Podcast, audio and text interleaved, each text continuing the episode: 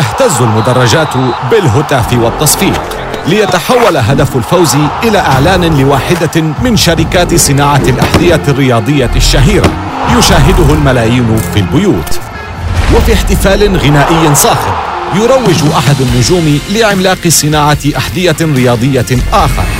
منافسة شرسة بين أكبر صانعي الأحذية الرياضية في العالم. لا تستهدف الرياضيين فحسب بل تروج لثقافة جديدة.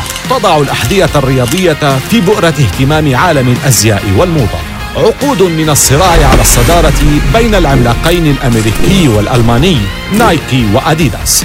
في بودكاست حروب الأعمال من الجزيرة بودكاست بالتعاون مع وونتي الآن على منصات جوجل بودكاست وأبل بودكاست وساوند كلاود.